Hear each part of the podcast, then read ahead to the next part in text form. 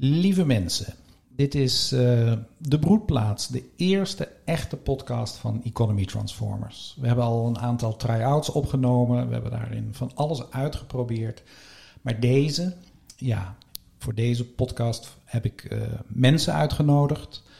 Sophie en Charlotte van Bord en Stift. Want we willen ja, ondernemers gaan interviewen. Ondernemers laten spreken vanuit eigen ervaring. Hoe een onderneming is georganiseerd, wat ze doen en waarom. Omdat we perspectieven willen bieden. We willen laten zien dat je echt op een andere manier kunt ondernemen. Vanuit andere doelstellingen, op grond van andere motieven, in andere eigendomsverhoudingen. En dit alles om met elkaar een ja, menswaardige wereld te creëren. En uh, het sluit dus ook heel erg aan wat wij als Economy Transformers willen. Wij streven naar de vrijgelijk samenleving. Vrij, dat wil zeggen dat we elkaar de ruimte geven. Ja, om onszelf te zijn, om onszelf te ontwikkelen tot mens. Want menswaardige samenlevingen kunnen alleen ontstaan als de mensen zichzelf tot mens ontwikkelen. Samen ja, we leven nou eenmaal in één wereld met z'n allen. En we hebben op de een of andere manier ervoor te zorgen dat we samen in elkaars materiële behoeften voorzien. En gelijk, ja, het individuele en het gezamenlijke moet op elkaar afgestemd worden. Liefst van binnenuit in goed onderling gesprek. En, uh, en als we eenmaal iets hebben afgesproken, dan geldt het voor ons allemaal. En niet uh, voor een klein groepje geprivilegieerden of iets dergelijks. En uh, nou, vanuit dat idee zoeken wij naar ondernemers die nu heel concreet bedrijven ontwikkelen, activiteit ontplooien. En uh, we hebben Bord en Stift gevonden als, uh, als, een voorbeeld, als een voorbeeld van mensen die zichzelf ja, op een horizontale manier organiseren. Dat wil zeggen, er is geen baas, er is niet een, een, doelstelling waarin zich iedereen aan ondergeschikt moet maken. Nee, er is eigenlijk een gemeenschappelijke intentie waar je dienstbaar aan kan stellen als individu. Maar dan wel helemaal vanuit jezelf en op je eigen manier. En ik, ik ben vooral heel erg benieuwd naar hoe dat zich heeft ontwikkeld, hoe het is georganiseerd. En daarom heb ik Sophie uitgenodigd en Charlotte van Bord en Stift Eerst eens, uh, stel jullie eens voor, Sophie. Vertel eens. Wie ben je en wat doe je in het bord- en stift gebeuren? Nou, um, ik ben Sophie. En ik werk nu sinds uh, iets meer dan drie jaar bij Bord en Stift. Ik ben in principe werd ik aangenomen als editor. Uh, want naast horizontaal georganiseerd zijn, maken wij ook whiteboardfilmpjes. Um, als editor monteer ik dan het materiaal aan elkaar. En eigenlijk door de, door de horizontale structuur, dat heeft mij de kans geboden om te kijken wat lijkt mij nog meer leuk om te doen binnen dit bedrijf. En zo doe ik nu ook de marketing en heb ik samen met Charlotte en nog een collega de nieuwe website gebouwd. En uh, zijn we inmiddels ook andere bedrijven aan het begeleiden in hun horizontale organisatiestructuur. Dat klinkt spannend. En jij, eh, Charlotte? Ja, eens, stel nou, jezelf voor. Ja, nou, ik ben dus eh, Charlotte. Um, en ik heb Bord en Stift uh, een aantal jaar geleden opgericht. Um, en onderhand ben ik dus niet meer de eigenaar van het bedrijf, maar is het bedrijf van zichzelf. Dus ben ik gewoon ook medewerker van Bord en Stift. Um, dus in die zin eigenlijk ook geen ondernemer meer in juridische zin, maar ik denk dat we heel erg met z'n allen ondernemen binnen Bord en Stift. En um, nou ja, zoals Sophie ook al zei, de rollen zijn best wel vrij. Dus je uh, kan best wel je eigen baan vormgeven. Dus wat ik doe binnen Bord Stift is ook erg veranderd door de jaren heen. Um, op dit moment ben ik voice-over, dus ik spreek de filmpjes in. Um, en uh, ik ben veel bezig met um, ook het delen van het horizontale organiseren. Dat is eigenlijk eerst helemaal niet een core business was van ons, maar steeds meer plek heeft gekregen. Dus dat. En uh, nou, ik zit net als Sophie ook in team marketing, team website, team geld, team Horizon, die zich ook bezighoudt met de structuren. Dus dat voelt heel bijzonder. Het voelt soms alsof ik in een soort snoepwinkel werk, waar ik echt precies het werk mag doen wat bij mij past. En ik niet in een soort oprichtersrol ben geforceerd van dat daar sowieso dat en dat en dat bij hoort. Ja, dus ik hoor, ik hoor dat jullie gewoon kunnen doen wat je echt wil. Ja. En Zeker. voordat we daar hoe het is georganiseerd en hoe dat allemaal precies is gegaan en gelopen en hoe het werkt, wil ik van je horen, Sophie, hoe, eh, ja, wat is Bord en Stift nu? Dus ja, we hebben het net al over de core business, dat die ook verandert in de loop der tijden. Maar kun je een schets geven van Bord en Stift nu, zoals het nu is? Dat ga ik proberen, in ieder geval. Ehm, ja, bord en stift. Eigenlijk wat een beetje de, de visie is van bord en stift is eh, zoveel mogelijk informatie transparant ehm, beschikbaar maken voor iedereen. Ehm, we, we vertellen de verhalen van bedrijven die een heel ingewikkeld verhaal hebben of dat zelf niet makkelijk kunnen. En um, ook voor onszelf zijn we dus heel transparant bezig met het zoeken naar een goede, ja, of de beste, of wat bij, het beste bij ons past, organisatievorm of bedrijfsvoering, om onszelf te ontplooien. Dus als ik het goed begrijp, jullie bord en stift, het zit een beetje al in, het, in, in, in de naam, bord en stift. Jullie tekenen met stiften ja. op een bord. Ja. Maar de, de core business in eerste instantie, zoals ik het nu begrijp, is uh, ja, men, bedrijven kunnen jullie inhuren en hun verhalen maken jullie in, in, in beeld zichtbaar of transparant. Ja. En tegelijkertijd vanuit een soort uh, if you talk the talk, you also have to walk the walk, zijn jullie ook bezig om um, je, je, eigen verhaal zo goed mogelijk uh, zichtbaar te maken. Ja. ja.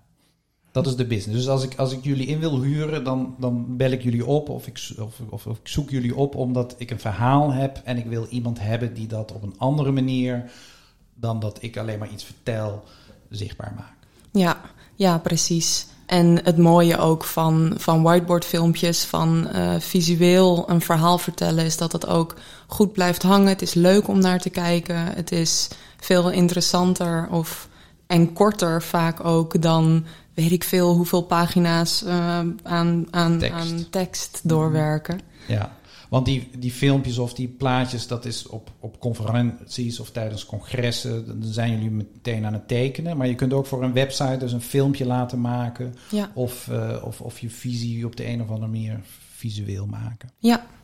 Ja, en daar hebben we een aantal standaard producten voor. Maar we zijn ook altijd op zoek naar meer manieren hoe we bedrijven kunnen helpen om hun verhaal te vertellen. Ja, en, en Charlotte, vertel eens hoeveel mensen werken er nu voor Bord en Stift? Ja, we zijn nu met 25 ongeveer. Uh, deels vast in dienst uh, en een deel werkt als freelancer. Mm -hmm. uh, is eigenlijk net wat past bij wat je er ook nog buiten doet. In principe mag gewoon iedereen in dienst komen als je dat wil. Elk jaar in 1 januari mogen er weer mensen in dienst. En sommige mensen wisselen ook. Het ene jaar zijn ze freelancer, dan weer in dienst. Dus het is niet bij ons dat de freelancers een andere rol hebben... of minder macht of minder invloed hebben in het bedrijf... dan als je in dienst bent. -hmm. um, ja, een hele mooie club mensen. 25 mensen, dus ja. zowel mensen die uh, min of meer vast. Uh, het is eigenlijk een beetje los vast. Ik stel me nu een soort nest voor. Waar, waar is dat nest eigenlijk ja. uh, gesitueerd? Nou, in Amsterdam op de Haarlemmerstraat hebben we een heel grote zolder als kantoor. Oh, daar, ja. En daar vliegen dus allerlei mensen in en ja. uit. Ja, en ook, nou ja, sinds corona zeker. werken we ook heel veel digitaal samen natuurlijk. Mm -hmm. Maar um, inderdaad, het voelt een beetje als een uh, heel veilige, fijne plek om te zijn. Um, ja, waar je inderdaad in en uit kan vliegen. En, maar de kern is wel... Ja, het verhalen transparant maken, ja. zichtbaar maken. Ja. Dus, dus ik stel me, als, als er vaste producten zijn wat ik net hoor... dan, dan zie ik tekeningen of, of, of, of tekenfilmpjes. Ja. En, uh, en ik zie jullie... Uh, uitvliegen in de zin dat je naar congressen of mensen die een verhaal houden, dat je daarnaast staat en tekent. Ja. Ik zie allemaal dames knikken hier. en uh, Ehm, maar, je, maar je kunt dus ook bellen van ik wil voor mijn website een filmpje hebben. Ja, zeker. Uiteindelijk zijn de filmpjes is nog steeds echt het grootste deel wat we doen. Oh, Dus, dat is het ehm, grootste deel. Ja, dus kan ook zijn bijvoorbeeld voor een ziekenhuis een complexe behandeling uitleggen aan kinderen van hoe werkt dat. Eh, het kan ook inderdaad de visie zijn die een organisatie heeft voor komende vijf jaar. Nou, in een filmpje breng je dat veel aansprekender over dan in een 80 pagina's stellende slideshow. Ja, een beeld zegt Ehm, meer dan duizend woorden. Ja, precies. Maar ook bijvoorbeeld veel eh, complexe vraagstukken rondom duurzaamheid Mhm. is vaak niet zo simpel plat te slaan. Dus dan wil je de, alle kanten ervan belichten, maar je wilt het wel nog steeds kort en helder over kunnen brengen. Nou ja, en daar zijn die whiteboard-filmpjes dus heel goed voor. Omdat je door de tekeningen wel veel ehm, verhoudingen kan laten zien, balans. Dus je legt het op een heel heldere manier uit die goed blijft hangen. Waardoor wij weer een soort katalysator kunnen zijn voor positieve verandering in de Ja, wereld. Ja. Ehm, Sophie, jij zei je bent editor. Betekent dat ook dat jij een verhaal van iemand anders om moet zetten in beelden? Of doen andere mensen dat weer binnen, binnen, binnen Word en Stift? Dat, eh, dat doen andere mensen. Wanneer eh, de, wij worden opgebeld met: Hoi, wil je ons verhaal vertellen? Ja. Dan eh, is er eerst een inleidend gesprek met een tekstschrijver en eh, eventueel ook met de tekenaar al. En de tekstschrijver die schrijft de tekst. Als die af is, dan gaat de tekenaar er mooie tekeningen bij maken. En dan, nou, een beetje afhankelijk van of we het echt, eh, dat heet dan analoog of digitaal, worden de tekeningen echt met de hand uitgetekend. Ehm, of wordt het digitaal geanimeerd. En ik krijg in ieder geval uiteindelijk het materiaal binnen. En de voice-over, bijvoorbeeld van eh, Charlotte Stem.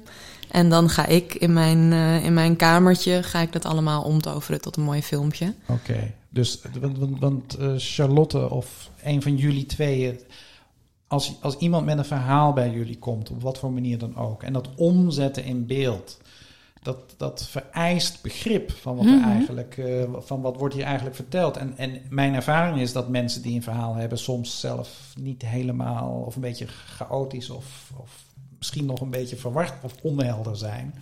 Helpen jullie die mensen dan ook om daar weer helderheid in te scheppen? Ja, juist. Ik denk dat dat eigenlijk stiekem ons hoofdproduct is. En soms zeggen mensen ook wel van... ja, we zijn super blij met het filmpje hoor... maar we zijn eigenlijk nog blijer dat we nu ook zelf kunnen uitleggen... wat ons verhaal eigenlijk is. Want Ja. het is heel moeilijk om je eigen verhaal te vertellen. Ehm, dus daar, daar besteden we juist tijd aan. En dat is juist onze service. Je kan bij ons komen, gewoon alles vertellen wat er in je hoofd zit. En wij maken daar een helder samenhangend verhaal van. Een eerste versie waar jij natuurlijk ook weer feedback op kan geven. Ja. Maar dat is heel moeilijk om je eigen verhaal helder te vertellen. helderheid scheppen. Dus eigenlijk is jullie core business helderheid scheppen. Mooi gezegd. Ja, ja oké. Ja, ik wou zeggen, dat zie ik eigenlijk ook als mijn eh, core business. Per, of ja, helderheid scheppen over de huidige situatie. Hmm. En perspectief bieden over mogelijke toekomstige situaties. En eh, ja, wat mij betreft zijn jullie al een mogelijke toekomstige situatie in de manier waarop jullie je hebben georganiseerd. Want, eh, nou, je vertelde het al een beetje, Charlotte, jullie hebben allemaal teams en eh, je, je komt er. Sophie vertelde je, drie jaar geleden ben je gekomen en eerst ja, bracht je in wat jij aan capaciteiten hebt, maar snoepwinkel, er waren nog andere leuke dingen, die kan je Ja. ook oppakken. Vertel jij eerst eens, Sophie, hoe is dat dan gegaan? Want je komt er dan drie jaar geleden binnen. Waar kwam je eigenlijk binnen? Ja, en eigenlijk ehm, kwam ik helemaal niet al op mijn, eh, op mijn kwaliteiten binnen. Want ik kon nog helemaal niet editen, ook al was ik daarvoor aangenomen. Maar ehm, ik had ook het geluk dat mijn grote zus, die is tekstschrijver bij Bord en Stift. En die, eh, die zei, ja, ik werkte, in de tijd werkte ik in de horeca en het paste helemaal niet bij mij. En toen zei ze, ja, bij Bord en Stift, ik kan vast wel iets van je, voor jou vinden wat jij kan doen.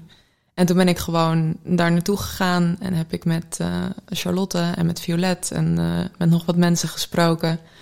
En toen werd ik opgebeld en zeiden ze, ja, je, je past erbij. Je kan nog, ik zei, ook, ik zei ook, ik kan niks, maar ik ben wel enthousiast.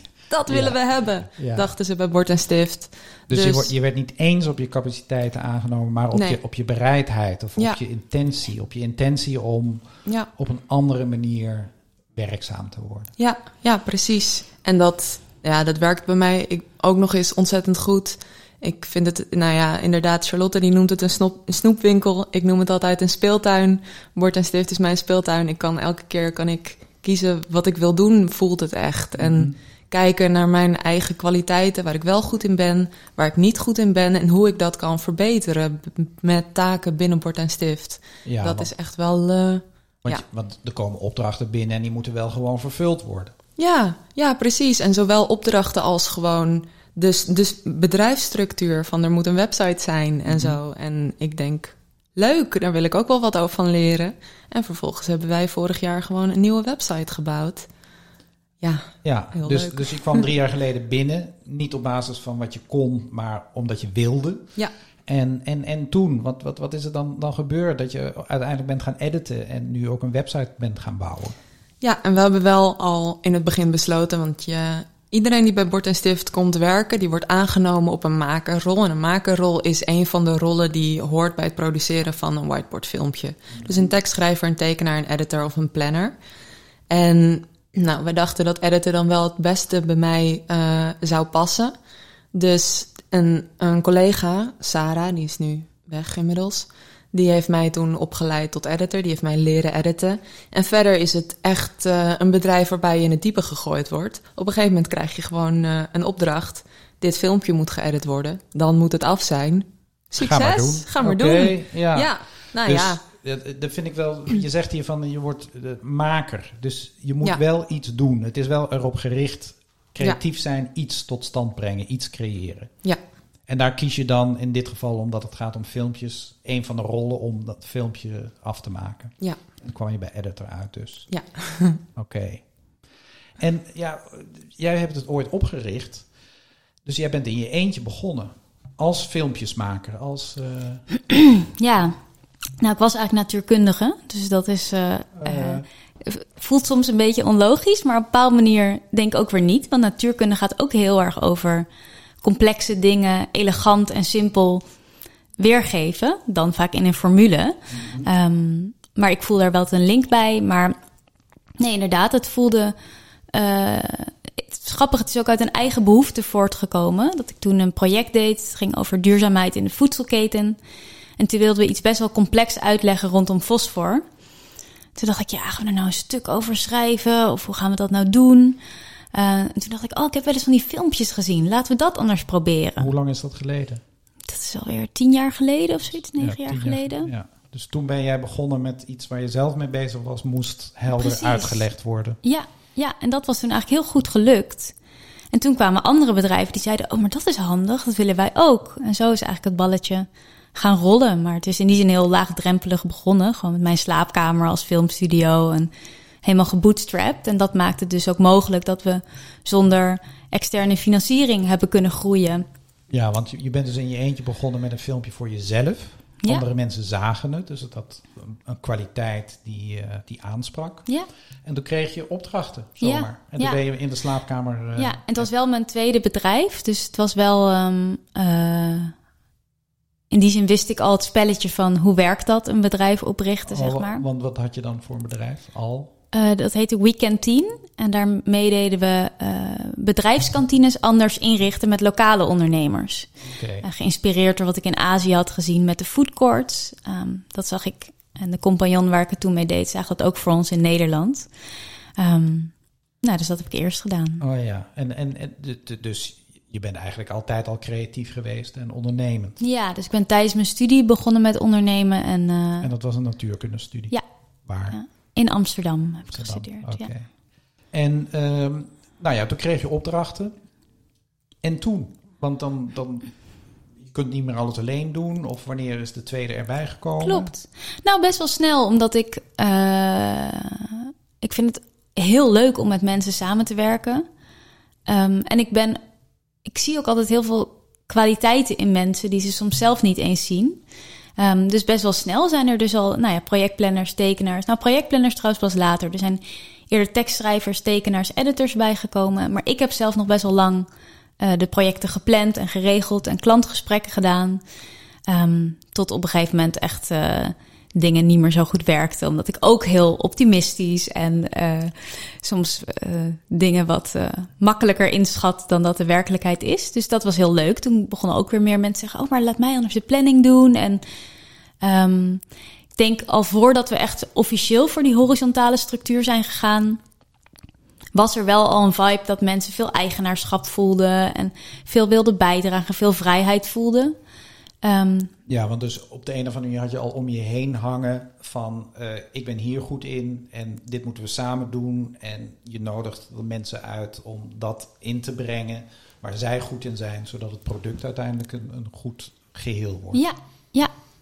Want ja, vertel daar eens meer over. Want wanneer is dan van ja, we moeten ons echt horizontaal gaan organiseren? Ja.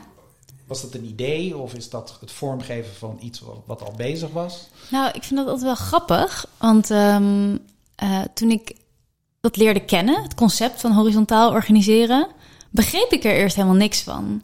Dat was wel grappig. Ik hoorde over, ik dacht zo, hé, wat, wat ingewikkeld ook allemaal. En waarom heb je dit nodig? Het gaat toch gewoon vanzelf goed? Dat was heel erg mijn ervaring. Het gaat gewoon vanzelf goed. Ja, dus het was al jouw beweging. Het ja, dus ik snapte heen. niet waarom je daar een soort ingewikkelde structuur voor nodig had. Tot we op een gegeven moment met z'n twaalfen waren. Doe maar. En toen veranderde, en dat hoor je eigenlijk van alle ondernemers, dan verandert er iets heel fundamenteels in hoe je met elkaar communiceert. Of het is dan net te groot geworden dat het inderdaad niet meer helemaal vanzelf gaat. En dat is vaak het moment waarop ondernemers grijpen naar de standaardstructuren die er zijn. Oh, dan gaan we managers aannemen en dan gaan we de boel meer stroomlijnen, meer centraliseren. Dan krijg je zo'n hiërarchisch model. Ja, maar ik had, en dat is denk ik ook het voordeel van natuurkunde hebben gestudeerd, dat je best wel precies leert kijken naar systemen en wat invloed heeft op wat. En ik had al best wel sterk een gevoel van er klopt iets niet aan die hiërarchie toevoegen. Het lijkt wel efficiënt, mm-hmm. maar er gaat heel veel energie en menselijk potentieel verloren. Doordat je eigenlijk ja, wat meer afhankelijke rollen creëert. Mensen minder uh, echt kunnen doen waar ze goed in zijn, omdat ze door hun rol worden beperkt. Um, dus intuïtief had ik daar best wel sterk een gevoel tegen. Nou ja, en toen begon ineens die dat verhaal van horizontaal organiseren, wat ik al eerder van anderen had gehoord, klikte toen ineens van: oh, maar nu snap ik het. We hebben het wel nodig, wat structuur, juist om die vrijheid te behouden. Ja. Dus dat vind ik ook heel grappig. Heel vaak denken mensen: oh, jullie hebben geen managers, geen baas, totale chaos. Denk ik altijd: wij hebben meer structuur waarschijnlijk dan in hiërarchische bedrijven, omdat wij niet terug kunnen vallen op een manager. Hebben wij juist heel strakke structuren waar we ons aan houden? Ja, zoals ik het begrijp, op het moment dat je hiërarchisch organiseert, uh, is de fantasie van de boven jou geplaatste, dat is de norm. Zeker. En als die weinig fantasie heeft of in hele strikte voorstellingen leeft, dan moeten alle mensen daaronder, die moeten zich daaronder geschikt aan maken. Ja. En dus eigenlijk hun eigen fantasie, hun eigen creativiteit uitschakelen. Ja. Terwijl als je het omkeert, als je dat nou juist centraal staat, je, creativiteit, uh, je wil om iets te creëren samen, ja, dan moet je eigenlijk een soort bedding gaan creëren. Waarin, uh, ja, waarin, waarin ieder vanuit zichzelf ja, het, het, het zijn of het haren kan, kan invoegen. Ja, en ik, ik vind ook altijd een soort heel veel uh, mensen kijken naar een bedrijf als een soort machine. Mm -hmm. Met radartjes en dingen die je aan of uit kan zetten. Maar ik heb altijd veel meer gehad aan de metafoor van een bedrijf als een tuin. Je zegt ook niet tegen een bloem van dit is je KPI. Je moet volgende week zoveel groeien. Of ja. dat je aan het gras gaat trekken. Mm -hmm. Maar wat doe je wel? Je geeft genoeg water, je kijkt heel goed, wat heeft de grond nodig, genoeg voeding. En dan kan er heel veel natuurlijks gaan bloeien en groeien ja. en ontstaan op ook een gezonde manier. Want ik denk dat heel veel groei in ons huidige systeem heel opgepompt is en heel erg ja, ook de grenzen van de aarde letterlijk vaak overschrijdt. Mm -hmm. Ja, dus je maakt eigenlijk gebruik van de, van de groeikracht van het leven, wat eigenlijk in, in ons allemaal zit, in de natuur. Maar de natuur zit ook in ons, dus ook in ons. Ja. En, je, en je zorgt ervoor, je ziet het bedrijf als een organisme, als een ja. geheel. En je, en je verzorgt het tuintje. En dan komt er van alles op wat je ook niet had verwacht. Precies. En als iets opkomt wat je niet wil, kun je het altijd weer wegwieden. Maar er komen ook een heleboel dingen op die. Uh... En die ik nooit, zeg maar, dingen die Sophie inbrengt, had ja. ik nooit kunnen bedenken. Dus het, is, het bedrijf is veel rijker geworden ja. dan als ik het nog zou leiden of als ik het zou sturen. Precies, want dan kom je niet voorbij jouw fantasie. Precies. En in dat bedje, kwam jij drie jaar geleden terecht, uh, Sophie. Dus Ja. je kwam daar, jij zegt, jij zei net al de metafoor van de tuin.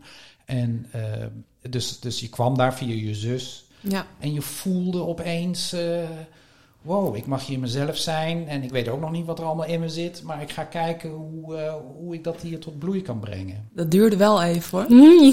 Ja, dat ik, duurde wel even. dat duurde wel even. hoe ik- bedoel je dat? Ehm, nou, ik kwam binnen met, met een flinke dosis imposter syndroom. Omdat ik nou, tussen allemaal mensen zat en die hadden... Ik heb zelf, heb ik, kon ik niet kiezen wat ik wilde studeren, want ik vind alles interessant. Ik vind alles boeiend en kan niet makkelijk gewoon dan maar iets kiezen. Imposter syndroom moet je heel even nog iets verder Ja. uitleggen. Ehm, dat ik kwam tussen allemaal mensen die hadden allemaal eh, ervaring op het gebied van bedrijfsvoering, op het gebied van van alles. Die hadden een kantoorbaan al gehad en ik had net, ik had gereisd en ik had in horeca gewerkt en ik kwam daar nu terecht via mijn zus. Dus ik voelde alsof ik ehm, Voel je minder waardig? ja, alsof ik er niet helemaal hoorde of mocht zijn. En, ehm, en dat heeft echt wel even geduurd voordat ik, dat, voordat ik me daar helemaal overheen kon zetten. Ehm, en eigenlijk, ik denk, nou, dat heeft een jaar, anderhalf jaar of zo geduurd. En langzaam dacht ik steeds meer van, oh, hey, ik heb hier een mening over. Oh, hey, ik mag die mening ook delen. Oh, hey, mensen hebben wat aan mijn mening. Ja. Eh, en zo gaat dat balletje dan rollen. eh, totdat je op een gegeven moment gewoon eh, echt meedoet. Ja, dus, dus wat, ik, wat ik hier hoor is, en dat is iets wat ik ook heel graag zou, überhaupt zou willen inbrengen in dit soort bedrijven, is dat, is dat eh, leerling, gezel, meester eh, proces. En wat ik hoor bij jou nu is, ja, je komt binnen, je bent natuurlijk gevormd door de cultuur waarin we, waardoor we allemaal gevormd zijn. En daar is het niet gebruikelijk dat je daar gewoon helemaal jezelf mag Mm. zijn. Ja, En, en, eh, en dat, het heeft eigenlijk een tijdje geduurd voordat je je vrij voelde. ja. Om gewoon jezelf tot uitdrukking te brengen, je mening te geven, je creativiteit te ontplooien enzovoort. ja. Hoe werd je daarbij geholpen? Of, of, of eh, hoe, ging dat dan, dat proces? Ja, het, eh, ik ben daar zeker bij geholpen. Het helpt als je dan mensen als Charlotte tegenover je hebt die gewoon vragen: Zeg Sophie, wat vind jij hiervan? Ah, dacht ik eerst dan. Mhm. Eh, maar op een gegeven moment raak je dat gewend en eh, ga je gewoon antwoord geven.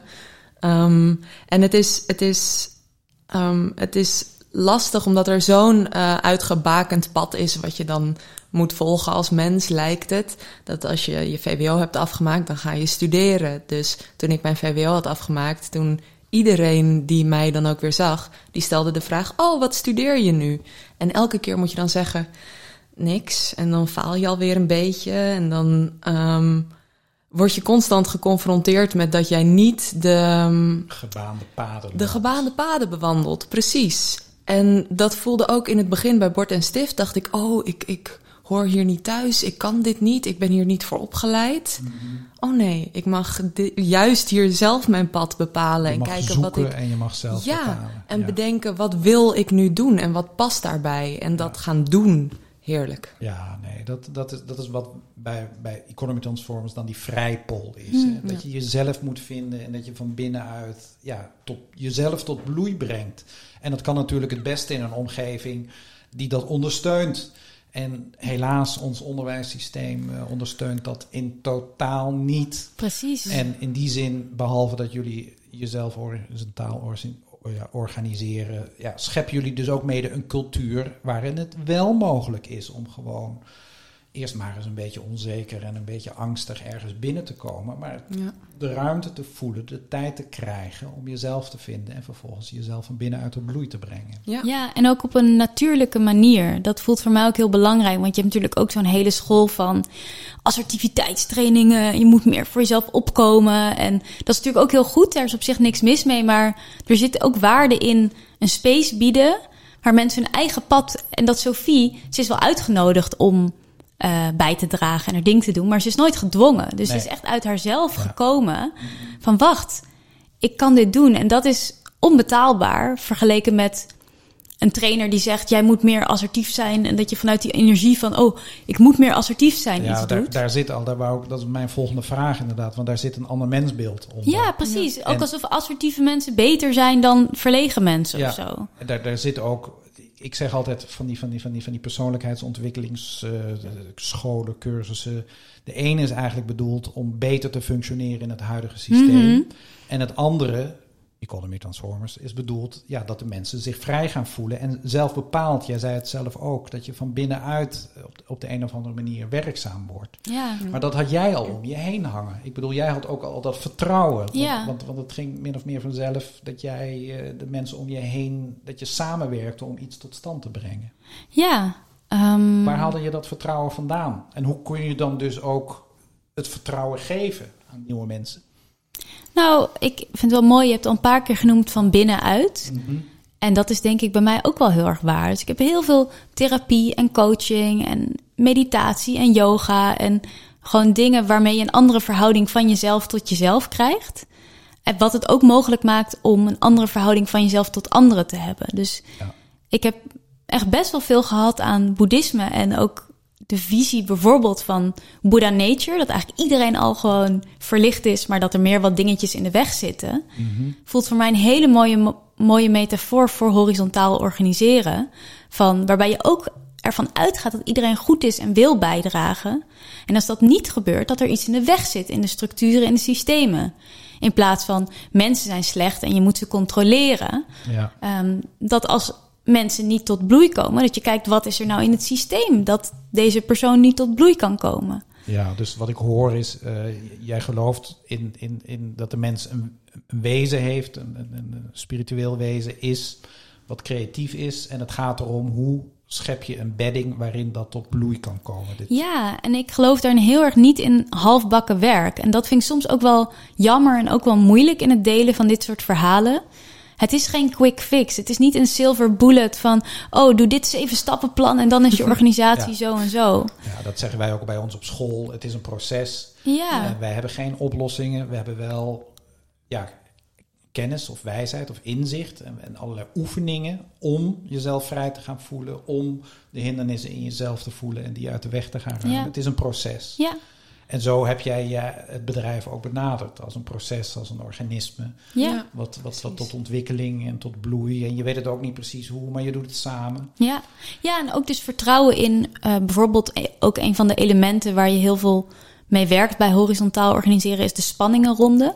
Dus tijdens de wekelijkse meeting wordt iedereen in het bedrijf gevraagd: heb jij nog ergens spanning bij? En wat heb je nodig om die spanning op te lossen? En niemand weet wat er volgende week de spanningen gaan zijn. Maar je weet wel dat elke week we weer altijd spanningen uitnodigen, dingen op tafel leggen. En van daaruit vanzelf het bedrijf zich verder ontwikkelt. Ik weet niet waar naartoe, Sophie weet niet waar naartoe. Maar we hebben een soort collectieve intelligentie van ons allemaal. Ja.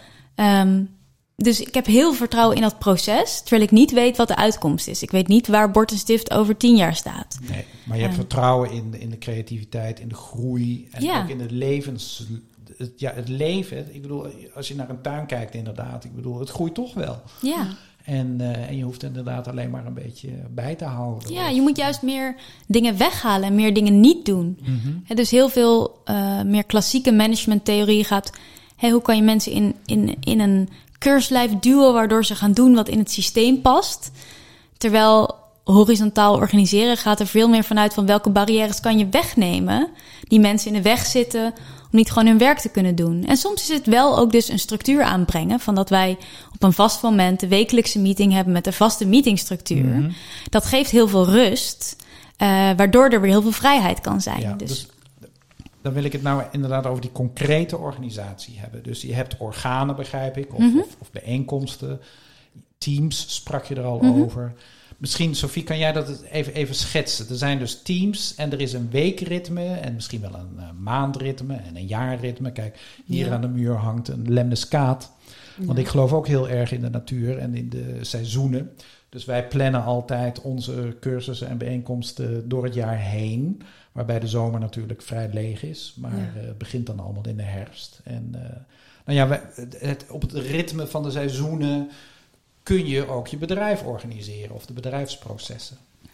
Nou, vraag is dus, hoe is bij jullie dat concreet georganiseerd? Ja, ehm, nou, qua, qua meetingstructuren, we hebben elke maandag hebben we een maandagmorgen meeting.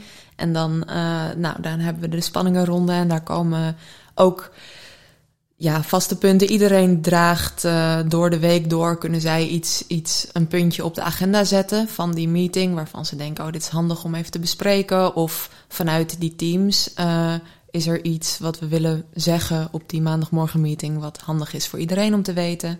En die spanningenronde, um, die, dat is allemaal dan op die maandagmorgen meeting. En verder is het bedrijf dus in teams georganiseerd. Alle taken die niet bij die makersrollen passen, uh, of daarbij horen, alle, alle andere dingen, de marketing, de website, de financiën, de, dus eigenlijk de overheid. het kantoor, de, de, alles gewoon. Uh, dat hebben we onderverdeeld in teams. Mm -hmm. En hoeveel, ik weet even niet hoeveel teams we hebben, weet jij dat? Echt, uh, 25 of zo? Ja, net zoveel teams als mensen ja. ongeveer. Oh. en iedereen mag zich, uh, mag zich aansluiten bij het team waarvan zij denken... oh, hier voel ik wel wat bij. Hier en een team draagt dus een verantwoordelijkheidsgebiedje ja. in dus het geheel. Team geld gaat echt over de financiën. En als jij bij team geld wil, dan mag dat. En dan heb jij vervolgens uh, evenveel inzicht en zeggenschap en alles... over de, over de financiën van het bedrijf als de mensen die al langer in dat team zitten. En, uh, dus iedereen mag in elk team, als ja. hij dat wil, voor kortere of langere tijd? Of zijn er zijn periodes waarin je. Nou, dat is, het is in principe voor onbepaalde tijd. Het is uh, af en toe, bijvoorbeeld één keer per jaar of zo, doen we nu wel een soort van check van hey, hoe zit je energielevel uh, bij het team, bij iedereen? Van wat is ook een doel waar we in dit jaar met het team naartoe willen gaan?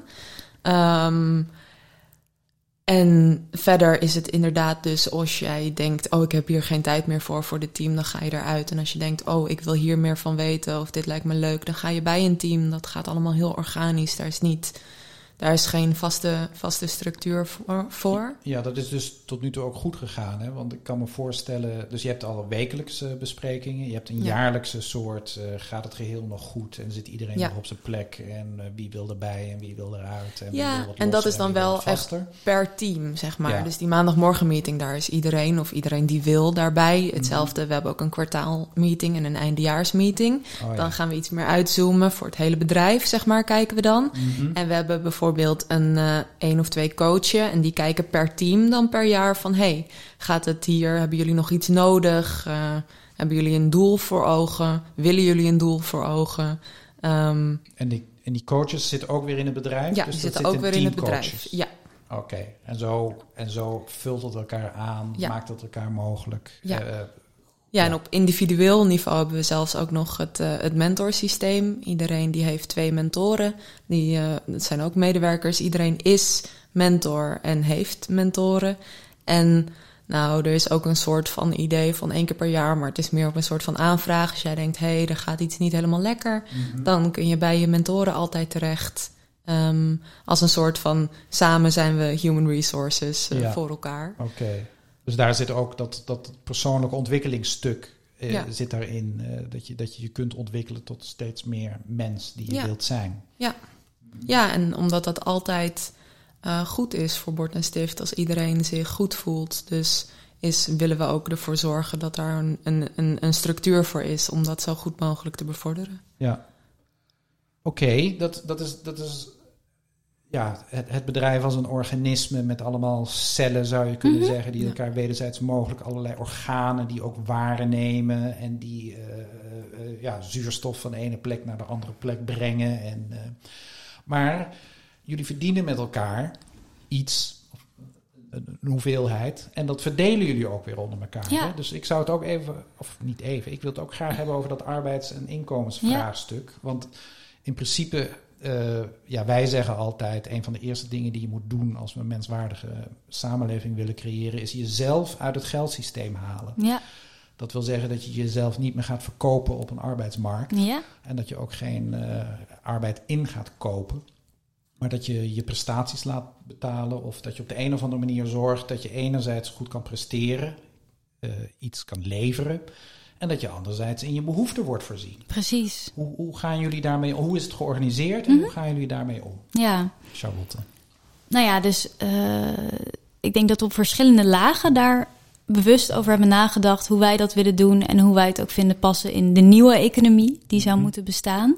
Ehm, dus een van de dingen die we hebben gedaan is dat ik eh, geen eigenaar meer ben van het bedrijf, maar dat het bedrijf van zichzelf is. Dus de aandelen van de BV ehm, zijn nu eigendom van de stichting Bord en Stift. En we hebben vastgelegd dat eh, die aandelen nooit verkocht mogen worden. Dus dat het bedrijf altijd van zichzelf is Mhm. en altijd wordt gerund door de mensen die er werken, die er dus ook direct belang bij hebben en liefde hebben voor het bedrijf. En het niet zien als een geldmachine waar ze een flinke zak geld in kunnen stoppen en dan weer iets eruit kunnen trekken. Ja, dat is, dat is de, de eerste laag. Ja. Die, die vind ik ook belangrijk en die noem ik eh, het kapitaal uit het geldsysteem halen. Dus Ja. in dit geval, jullie bedrijf eh, is niet meer een product aan zich, Ja, wat, wat verkocht zou kunnen worden, waar mensen belang bij zouden hebben om, om, om zoveel mogelijk waarde, en in dit geval financiële waarde uit te halen. Wat Ja. een illusie is, financiële waarde was weer een ander verhaal. Ja. En, eh, dus het bedrijf is van zichzelf, het is in zichzelf gegrond. ja, Dat betekent dat als er mensen uitgaan, ja, krijgen ze geen geld toe. Maar Nee. ook als er nieuwe mensen inkomen, hoeven ze niks te betalen. precies. Ja. Ja. Ja. dus het is veel vrijer in die zin. En ik denk wat we meer op organisatieniveau, ook bijvoorbeeld een keuze die we hebben gemaakt, is ehm, om gewoon een heel transparant salarissysteem te maken. Dus eh, als je bij ons komt werken, we werken met een startsalaris en een maximumsalaris. En wat je op welk startniveau je instapt, hangt gewoon af van hoeveel jaren werkervaring je hebt. Eh, en elk jaar dat je bij Bord en Stift werkt, ga je gewoon omhoog in salaris. Dus dat is heel veilig, heel helder. Komen geen rare spelletjes van... hé, hey, waarom verdient Sophie meer dan ik? Terwijl we doen toch hetzelfde? En ook dat je dus ook niet krijgt... dat degene met de grootste mond... of die het beste kan onderhandelen... het hoogste salaris krijgt. En dat vind ik altijd interessant dan... Hè, is, is ook zo'n ding vaak dat vrouwen minder verdienen dan mannen. En dan is het narratief heel erg van... ja, vrouwen zouden assertiever moeten worden... en beter moeten leren onderhandelen. Toen ik denk, nee, maar het systeem klopt niet. Het systeem zou Moet moeten kloppen. Ja. Ja. Dus dat is bijvoorbeeld ook een van de keuzes die we hebben gemaakt. En we Hoeveel doen een vrouwen en mannen zijn er überhaupt bij jullie? Even Oeh, tussendoor. goede vraag. Nou, het is wel meer gelijk getrokken. Het waren erg veel eh, Vrouwen. vrouwen. Ja, Maar eh, ja, ik denk nog steeds wel 60% vrouwen, 40% Ja, mannen. Dus het is lekker maar- vrouwelijk, is het. Het Ja. is lekker vrouwelijk en ook, ik ben ook wel verbaasd, want ik heb een tijdje wat meer ook in die ondernemerswereld gezeten. En ik vond het wel echt chockerend hoe jaren negentig ook rare opmerkingen over vrouwen.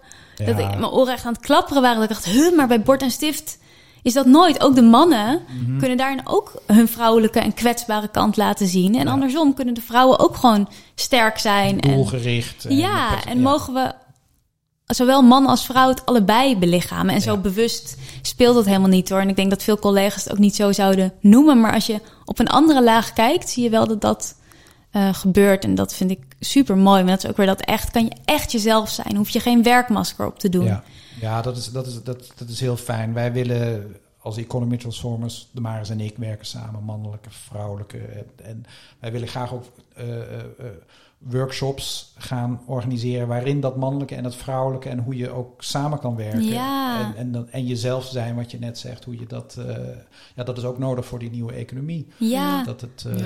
de, de schaduwman en de schaduwvrouw zichzelf eh heelt of opheft. Of, Ja. of Nou, en- betrekt. En dat is denk ik ook in die zin een rol voor het vrouwelijke. Hè? Want ik denk dat het niet per se gekoppeld is aan man zijn of vrouw zijn, maar wel die energie. Mhm. Dat het nu ook echt de tijd is om dus ook sterker te staan, juist in dat zachte. Dat daar de wereld ook gewoon best wel veel behoefte aan heeft. Maar Ja. dat het nog best wel spannend is in een maatschappij die zo masculien gericht is. Dus ik merk ook bij mezelf is het altijd ja, constant soort iets wat ik probeer te blijven voeden. Om wel te blijven geloven in bijvoorbeeld die principes van mensen zijn echt inherent goed. En niet Mhm. te denken, oh, ik zit op een roze wolk en ik zou wat harder moeten zijn. Ja, ja. Dus Even weer terug naar eh, arbeid en inkomen. ja. Eh, jullie, eh, ik hoor dat jullie hebben een minimum of een instapsalaris. Het groeit. Maar ja, je kunt gezamenlijk verdienen jullie eh, zeg een ton per jaar. Waarschijnlijk, Mhm. waarschijnlijk veel meer. Mhm. En dat moeten jullie onder elkaar verdelen. Ja, Is daar, heeft iedereen overzicht over het geheel Ja. en ook over het deel wat je eruit haalt? ja, dus alle financiën zijn super transparant. Mhm. En Team Geld, eh, die doet ook veel moeite om ook te zorgen dat de financiën ook begrijpelijk zijn voor iedereen. Want er is nog een verschil tussen gewone cijfers laten zien en ze ook kunnen interpreteren. Maar daar. eh, Helderheid scheppen, dus ja, dat is jullie precies. core business. Ja, en ook. Eh, er wordt heel veel gevraagd eigenlijk op het moment dat jij bord en stift gaat werken. Heel veel vrijheid, heel veel verantwoordelijkheid. Maar dan moet je dus ook goed weten wat er allemaal speelt in het bedrijf. Ja. Anders kan je ook niet wijze beslissingen maken.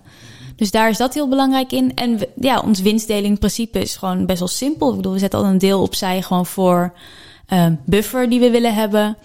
Ehm, we, zeker sinds we dit jaar ook dus een stichting, de stichting-eigenaar hebben gemaakt van de V, gaat een deel van de winst ook naar goede doelen. En een deel gebruiken we als winstdeling van. En dat verdelen we dan gewoon onder iedereen ook weer via een heldere verdeelsleutel. Ja, dus je krijgt een salaris. Want Ja. jullie zijn, eh, iedereen is eigenlijk in loondienst bij zichzelf, begrijp ik. Eh, nee, dus een deel van de mensen is gewoon in loondienst bij de BV. Ja, En een deel van de mensen werkt als freelancer, dus die factureert aan de BV. oké. Ja. En ehm, is er ook nog plek? Ik bedoel, ik kan me voorstellen, eh Sophie krijgt een vriend, eh, moet groter gaan wonen en weet ik veel. Wat krijg je dan ook meer salaris? Wordt daar ook rekening mee gehouden? Of wordt eigenlijk alleen maar gekeken naar eh, Nou ja, de werkervaring? elk jaar zei? groeien natuurlijk sowieso in salaris. Dus in die Mhm. zin. Maar we hebben niet daar nog een soort van. Oh, die heeft die meer behoefte. Dat is niet iets wat tot nu toe is opgekomen als. Daar gaan we een systeem voor maken. Maar het leuke van horizontaal organiseren is. Je kan altijd weer nieuwe systemen introduceren. Ja, je kan dus dus iets nieuws inbrengen. Je Ja, dus stel dat er genoeg nemen. mensen denken: hey, we vinden het eigenlijk leuker om eens te kijken hoe kunnen we het geld verdelen op basis van behoeften, in plaats van nu gewoon volgens die vaste formule Of een combinatie. of een combinatie, dan, dan kunnen we daar gewoon over nadenken. Maar tot nu toe is dit systeem ons juist bevallen, omdat het ook eh, heel veel helderheid en eerlijkheidsgevoel geeft, omdat iedereen weet op basis waarvan de salarissen worden bepaald. Ja, En je dus niet dat element krijgt van degene die meer kunnen vragen, die krijgen meer. ja, ja. Nee, het is. eh, dan komen we eigenlijk ook nu op de besluitvormingsprocessen. Want je zegt in principe kan iedereen alles inbrengen. Wat uiteindelijk natuurlijk het geheel mooier eh, maakt en beter maakt. En eventueel een behoefte, inkomen of, of, of een aspect dat inbrengen of wat dan ook. Hoe, hoe gebeurt dat dan, eh, Sophie? Vertel eens. Eh, eh, heb jij ervaring met dat je iets hebt ingebracht wat er nog niet was? En, en hoe ging dat dan? Ehm, ik weet niet of ik iets heb ingebracht wat er nog niet was. Maar ik speel wel een rol in grote teams. Ik zit in team website en in team marketing.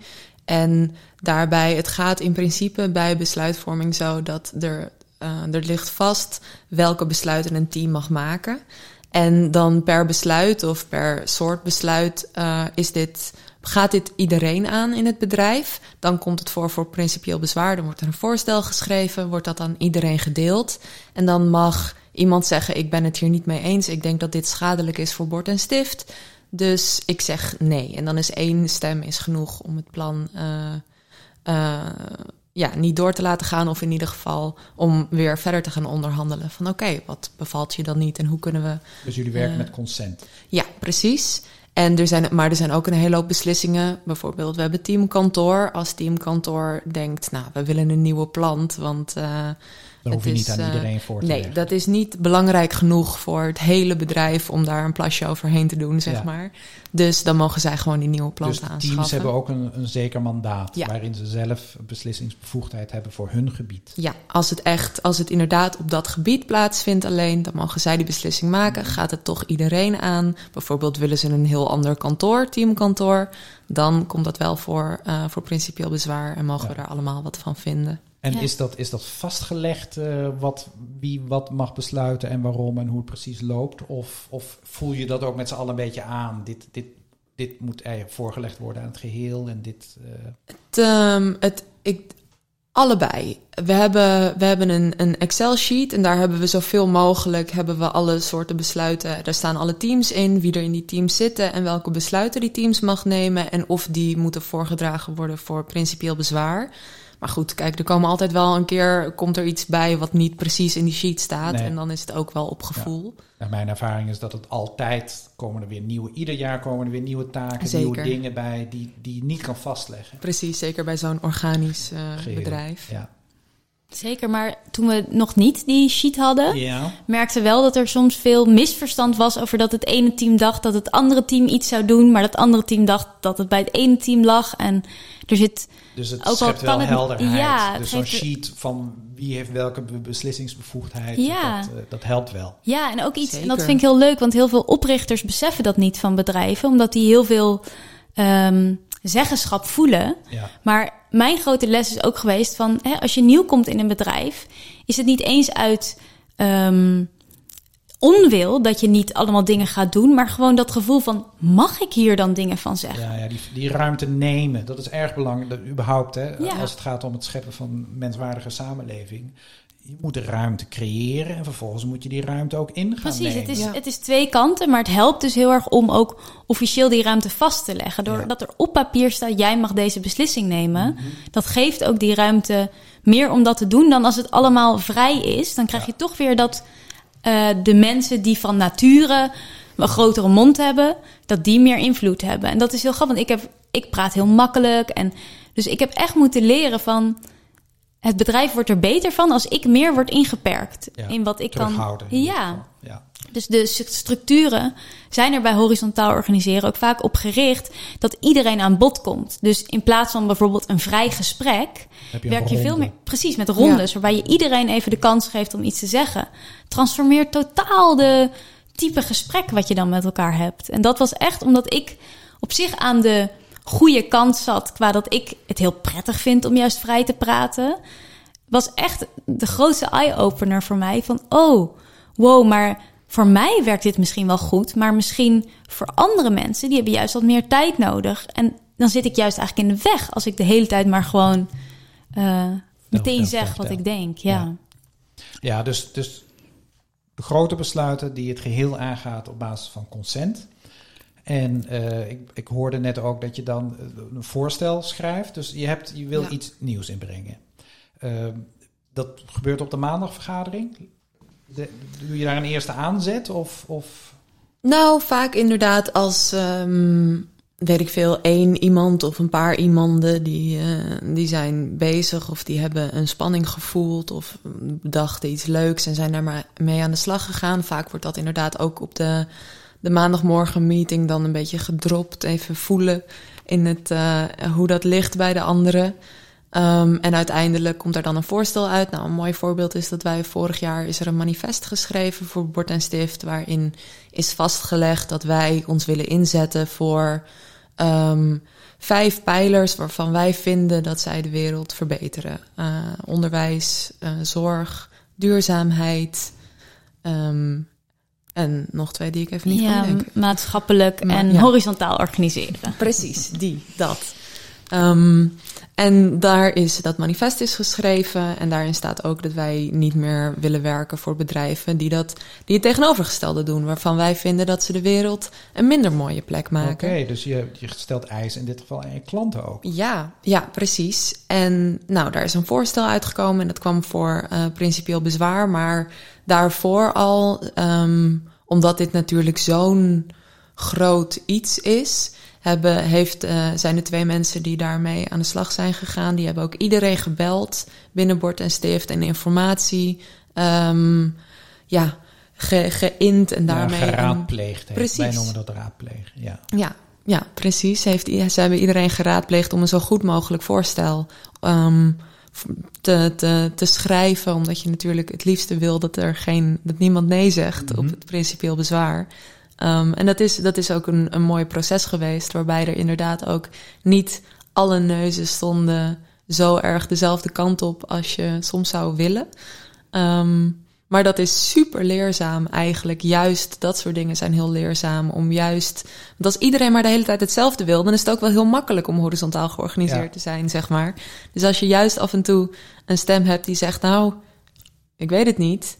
Oh, wat interessant. En dat levert dan ook weer spanningen op. Want oh mijn god, iemand is het er niet mee eens. En dat vind je eigenlijk. Iedereen vindt dat binnen bord en stift dan heel spannend. Want het is een soort familie.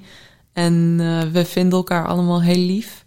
Maar dat is dan heel leerzaam om wel daar doorheen te gaan. Om de en, spanningen aan te gaan. Ja, dus als er die spanningen aan- ja. zijn, om die te voelen en die ook te benoemen. Ja. En daar iets mee te gaan doen. Ja, Kun, je, kun je daar, Charlotte, een voorbeeld van, van een spanning die eh, recent misschien nog ergens gevoeld is?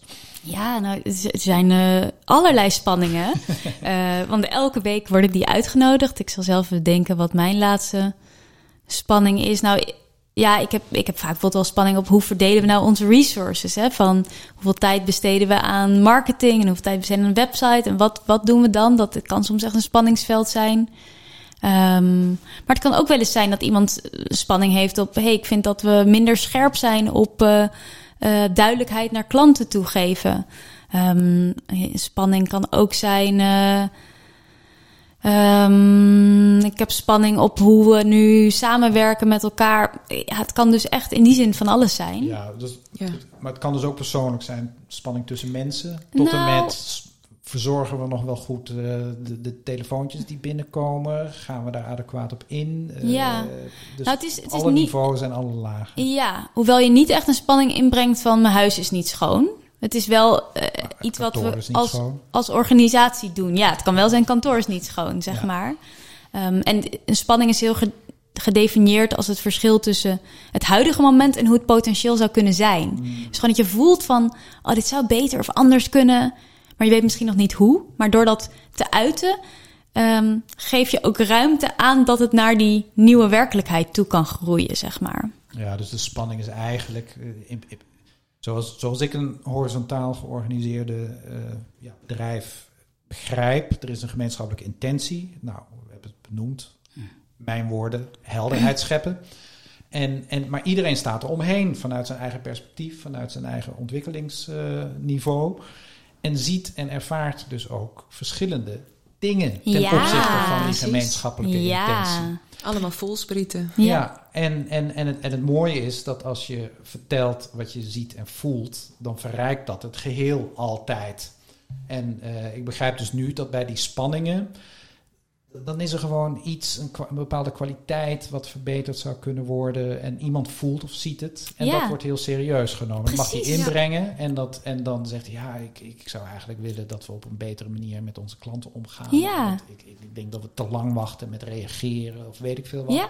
En dan wordt er gekeken naar hoe is het eh, binnenkomende opdrachten eh, gebeuren. Hoe kunnen we dat beter maken? Ja, en sterker nog, ehm, twee dingen. Dus inderdaad, wat ik heel mooi vind aan die spanningronde is dat het iedereen uitnodigt. Ook als je net een week bij Bord en Stift werkt, om jouw perspectief te delen. Met het idee van iedereen heeft voelsprieten, iedereen ziet andere dingen. Dus juist al die perspectieven zijn super waardevol. En dat zie je ook wel vaak bij als het meer hiërarchisch en alleen het management eigenlijk in die zin de spanningen bespreekt. Dat zij heel veel niet zien Ja. van echte spanningen die er zijn.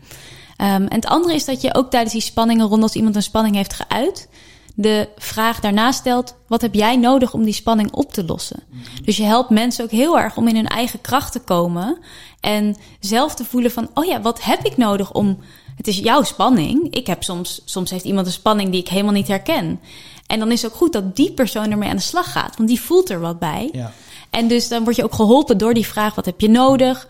En dan kan je zeggen: ik heb hulp nodig bij deze spanning. Maar doordat dat je wordt uitgenodigd om daar zelf volwassen actief over na te denken, Daarin initiatief te nemen, Ja. daar iets te vinden om dat op te lossen, die spanning. ja, krijg je ook veel meer gevoel van: oh ja, ik mag dit bedrijf ook mede vormgeven. Of Ja. hè, wat, wat ik voel is ook belangrijk. En, en dan natuurlijk helpen we elkaar daarin. Maar in principe is het wel iemand zelf die mag aangeven van wat hij of zij daar nodig heeft. En soms zegt iemand ook: Nou, het was gewoon genoeg om deze spanning even te uiten. Soms is het daarmee ook al Ja. rond. Ja, je kan het niet over de schudding gooien. Je kan niet blijven klagen. Nee, ik bedoel, precies, als iemand aan het klagen en aan het mopperen is, dan zeg je gewoon van, nou, neem een initiatief. Ja. Of, Ja. of spreek je uit en, en, en doe iets waardoor het eh, opgelost wordt. Ja, dus ik vind ook dat er over het algemeen ook heel weinig wordt geklaagd of gemopperd bij Bord en Stift. Gebeurt misschien wel, maar dan bijna iedereen weet dan ook wel zelf van, oh ja, dan kan ik er iets aan doen. Ja, en soms denk je ook, ja, maar ja, eigenlijk als ik er iets aan moet gaan doen, zo groot is het probleem ook weer niet. Ja, ja. Ja. Ehm, Iedereen is zich ervan bewust dat je deel bent van een geheel. Ja. En dat als er iets mis is met dat geheel, dat je daar dus ook als deel mede verantwoordelijk voor bent. Ja. ja. Ja, ja ik, zou nog, uh, ik zou nog wel enkele thema's die we alleen maar geraakt hebben, van veel verder willen uitwerken. Mm. Toch, we zijn nu een uur bezig, wil ik uh, nu naar een afronding. Eigenlijk uh, is mijn wens met deze podcast om bedrijven regelmatig terug te laten keren. Mm. Zodat je ook niet alleen perspectief, het kan anders, maar ook perspectief krijgt van ja, in principe alle bedrijven lopen tegen dezelfde vraagstukken aan. Of je nou regulier denkt of, of, of wat meer fantasie denkt. En, maar hoe los je die vraagstukken waar je dan tegenaan loopt op vanuit, nou ja, vanuit jullie organisatie? En, en, en dat is wat mij betreft ook de, de afronding nu van welke vraagstukken leven er, of vraagstukken, of wat, wat is iets waar jullie nu, wat, wat je nou zou, wat is het, wat je nou zou willen ontwikkelen? Wat is een volgende stap? Waar, waar, waar uh... Nou, um, wat wel heel leuk is, wat zich heeft ontwikkeld en aan het ontwikkelen is, is dat we dus meer uh, andere bedrijven ook mogen helpen met horizontaal organiseren. Dus omdat, en het is gewoon puur voortgekomen uit het gevoel van: wow, het is zo vet dat we dit doen en het werkt zo goed. Um, hoe tof is het om dat meer te delen? Maar wat ik daar heel erg een uitdaging in vind, is dat het dus uh, best wel veel vergt van degene die op dit moment de macht hebben in een bedrijf. In, in de reguliere bedrijf. In een regel, ja, dus stel je bent nog de oprichter, je bent nog eigenaar van het bedrijf. Uh, dat loslaten. Uh, ja, wat, wat maakt nou dat je dat kan doen? En daar is voor mijn gevoel ook een soort innerlijke transformatie voor nodig. Uh, maar hoe kan je dat dan weer faciliteren? En nou ja, we zijn heel erg aan het zoekende van hoe kunnen we ook meer ervaringsgerichte workshops nog geven, waarbij je het ook meer gaat voelen. Sofie is er ook mee bezig. En het is zo op maat gemaakt altijd. Van wat voor bord en stift werkt. Dat werkt. Dat is niet een template wat je, waar je elk, elk bedrijf in kan gieten en dan ben je horizontaal ja, georganiseerd. Ja, zogenaamde opschalen, dat werkt niet. Nee. Ik bedoel, de hele samenleving is een organisme. Ja, precies. Ja. Dus het is elke keer is het zo precies kijken naar wat er, wat er nodig is uh, voor een bedrijf om hun te helpen, uh, hen te helpen. Maar dat, is, dat is, vind ik interessant. Dus eigenlijk het zichtbaar worden als organisatie, de manier waarop je hebt georganiseerd. En dat overdragen of naar mensen in begeleiding. Ja. Dat is wel een andere, een andere business ook. Nog. Heel ja. anders, ja, ja, zeker.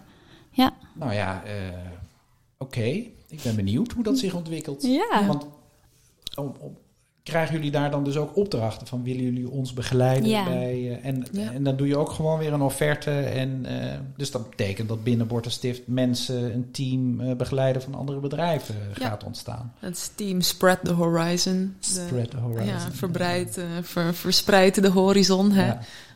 verleg de horizon. Verleg, ja, ja, precies. Oké. Okay.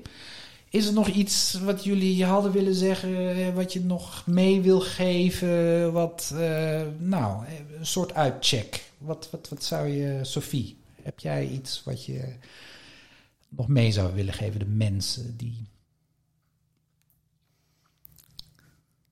Lastig. Um, nou, um, ik denk dat ik de meeste dingen wel heb gezegd, maar dat het gewoon een heel. Hoe fijn het is als je, uh, als je aan jezelf kan werken binnen je bedrijf, binnen je werk. Als, dat, als, als je dat uh, tegelijkertijd kan doen. Ik vind dat daar zo ontzettend veel waarde aan zit. Want voor mij persoonlijk, ik vind keuzes maken heel moeilijk. De enige keuzes die ik makkelijk vind om te maken, zijn de keuzes waarvan ik weet dat mijn persoonlijke ontwikkeling ervoor, erop vooruit gaat. Um, en als je dat dan binnen je bedrijf kan doen, en ik bedoel, je verdient er ook nog geld mee, zeg maar. Heerlijk, hoe leuk is dat? Het is echt, uh, het is jammer als je vastzit in een gevoel van, ik werk omdat het moet, ik werk omdat ik geld moet verdienen. En, uh, nee. Ja, ja dus, dus eigenlijk, je bent gewoon dankbaar voor ja. het feit dat door ja. te werken aan je eigen ontwikkeling ontwikkelt je bord en stift. Ja, van doe geen werk als je het niet leuk vindt. Ja, zeg maar. En bord en stift uh, geeft jou de ruimte om jezelf te ontwikkelen. Ja, jezelf te zijn. Ja. Vrij gelijk samen. ja. En jij, Charlotte, wat zou jij nog willen meegeven? Ja, nou, ik sluit wel een beetje aan bij wat Sophie zegt, maar uh, dat voor mijn gevoel ook soms een denkfout die we maken, is heel erg denken dat er iets in de toekomst gaat gebeuren. Of dat we heel erg bezig zijn te investeren en denken, oké, nu moeten we ervoor gaan, want dan wordt het bedrijf groot en dan is alles goed. Terwijl voor mijn gevoel moet het nu ook al kloppen en nu ook al goed zijn. En mag er meer rust komen in organisaties, meer tijd voor elkaar, meer menselijkheid.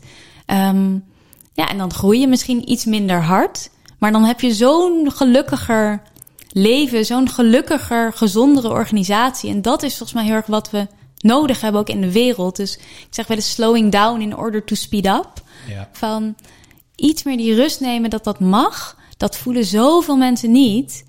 Um, en ook bijvoorbeeld in dat proces van horizontaal organiseren zijn soms ook organisaties die willen dat dat dan in drie maanden is gefixt. Terwijl eigenlijk is dat meer een drie jaar proces. Neem die tijd. En jaar. Uh, ja. ja, precies. Dus nou ja, dat is misschien nog iets wat, wat bijna iedereen mee zou willen geven. Er is meer tijd dan je denkt.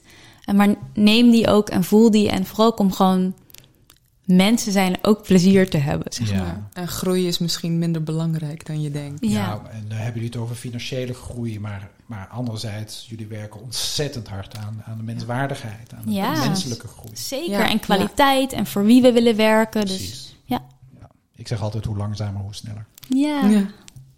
Nou, uh, mensen, luisteraars ook. Dit was dan het gesprek met Sophie en Charlotte van Bord en Stift. Dit was dus onze eerste podcast van Economy Transformers, de broedplaats. Nou, dit was een duidelijk voorbeeld van hoe het anders kan.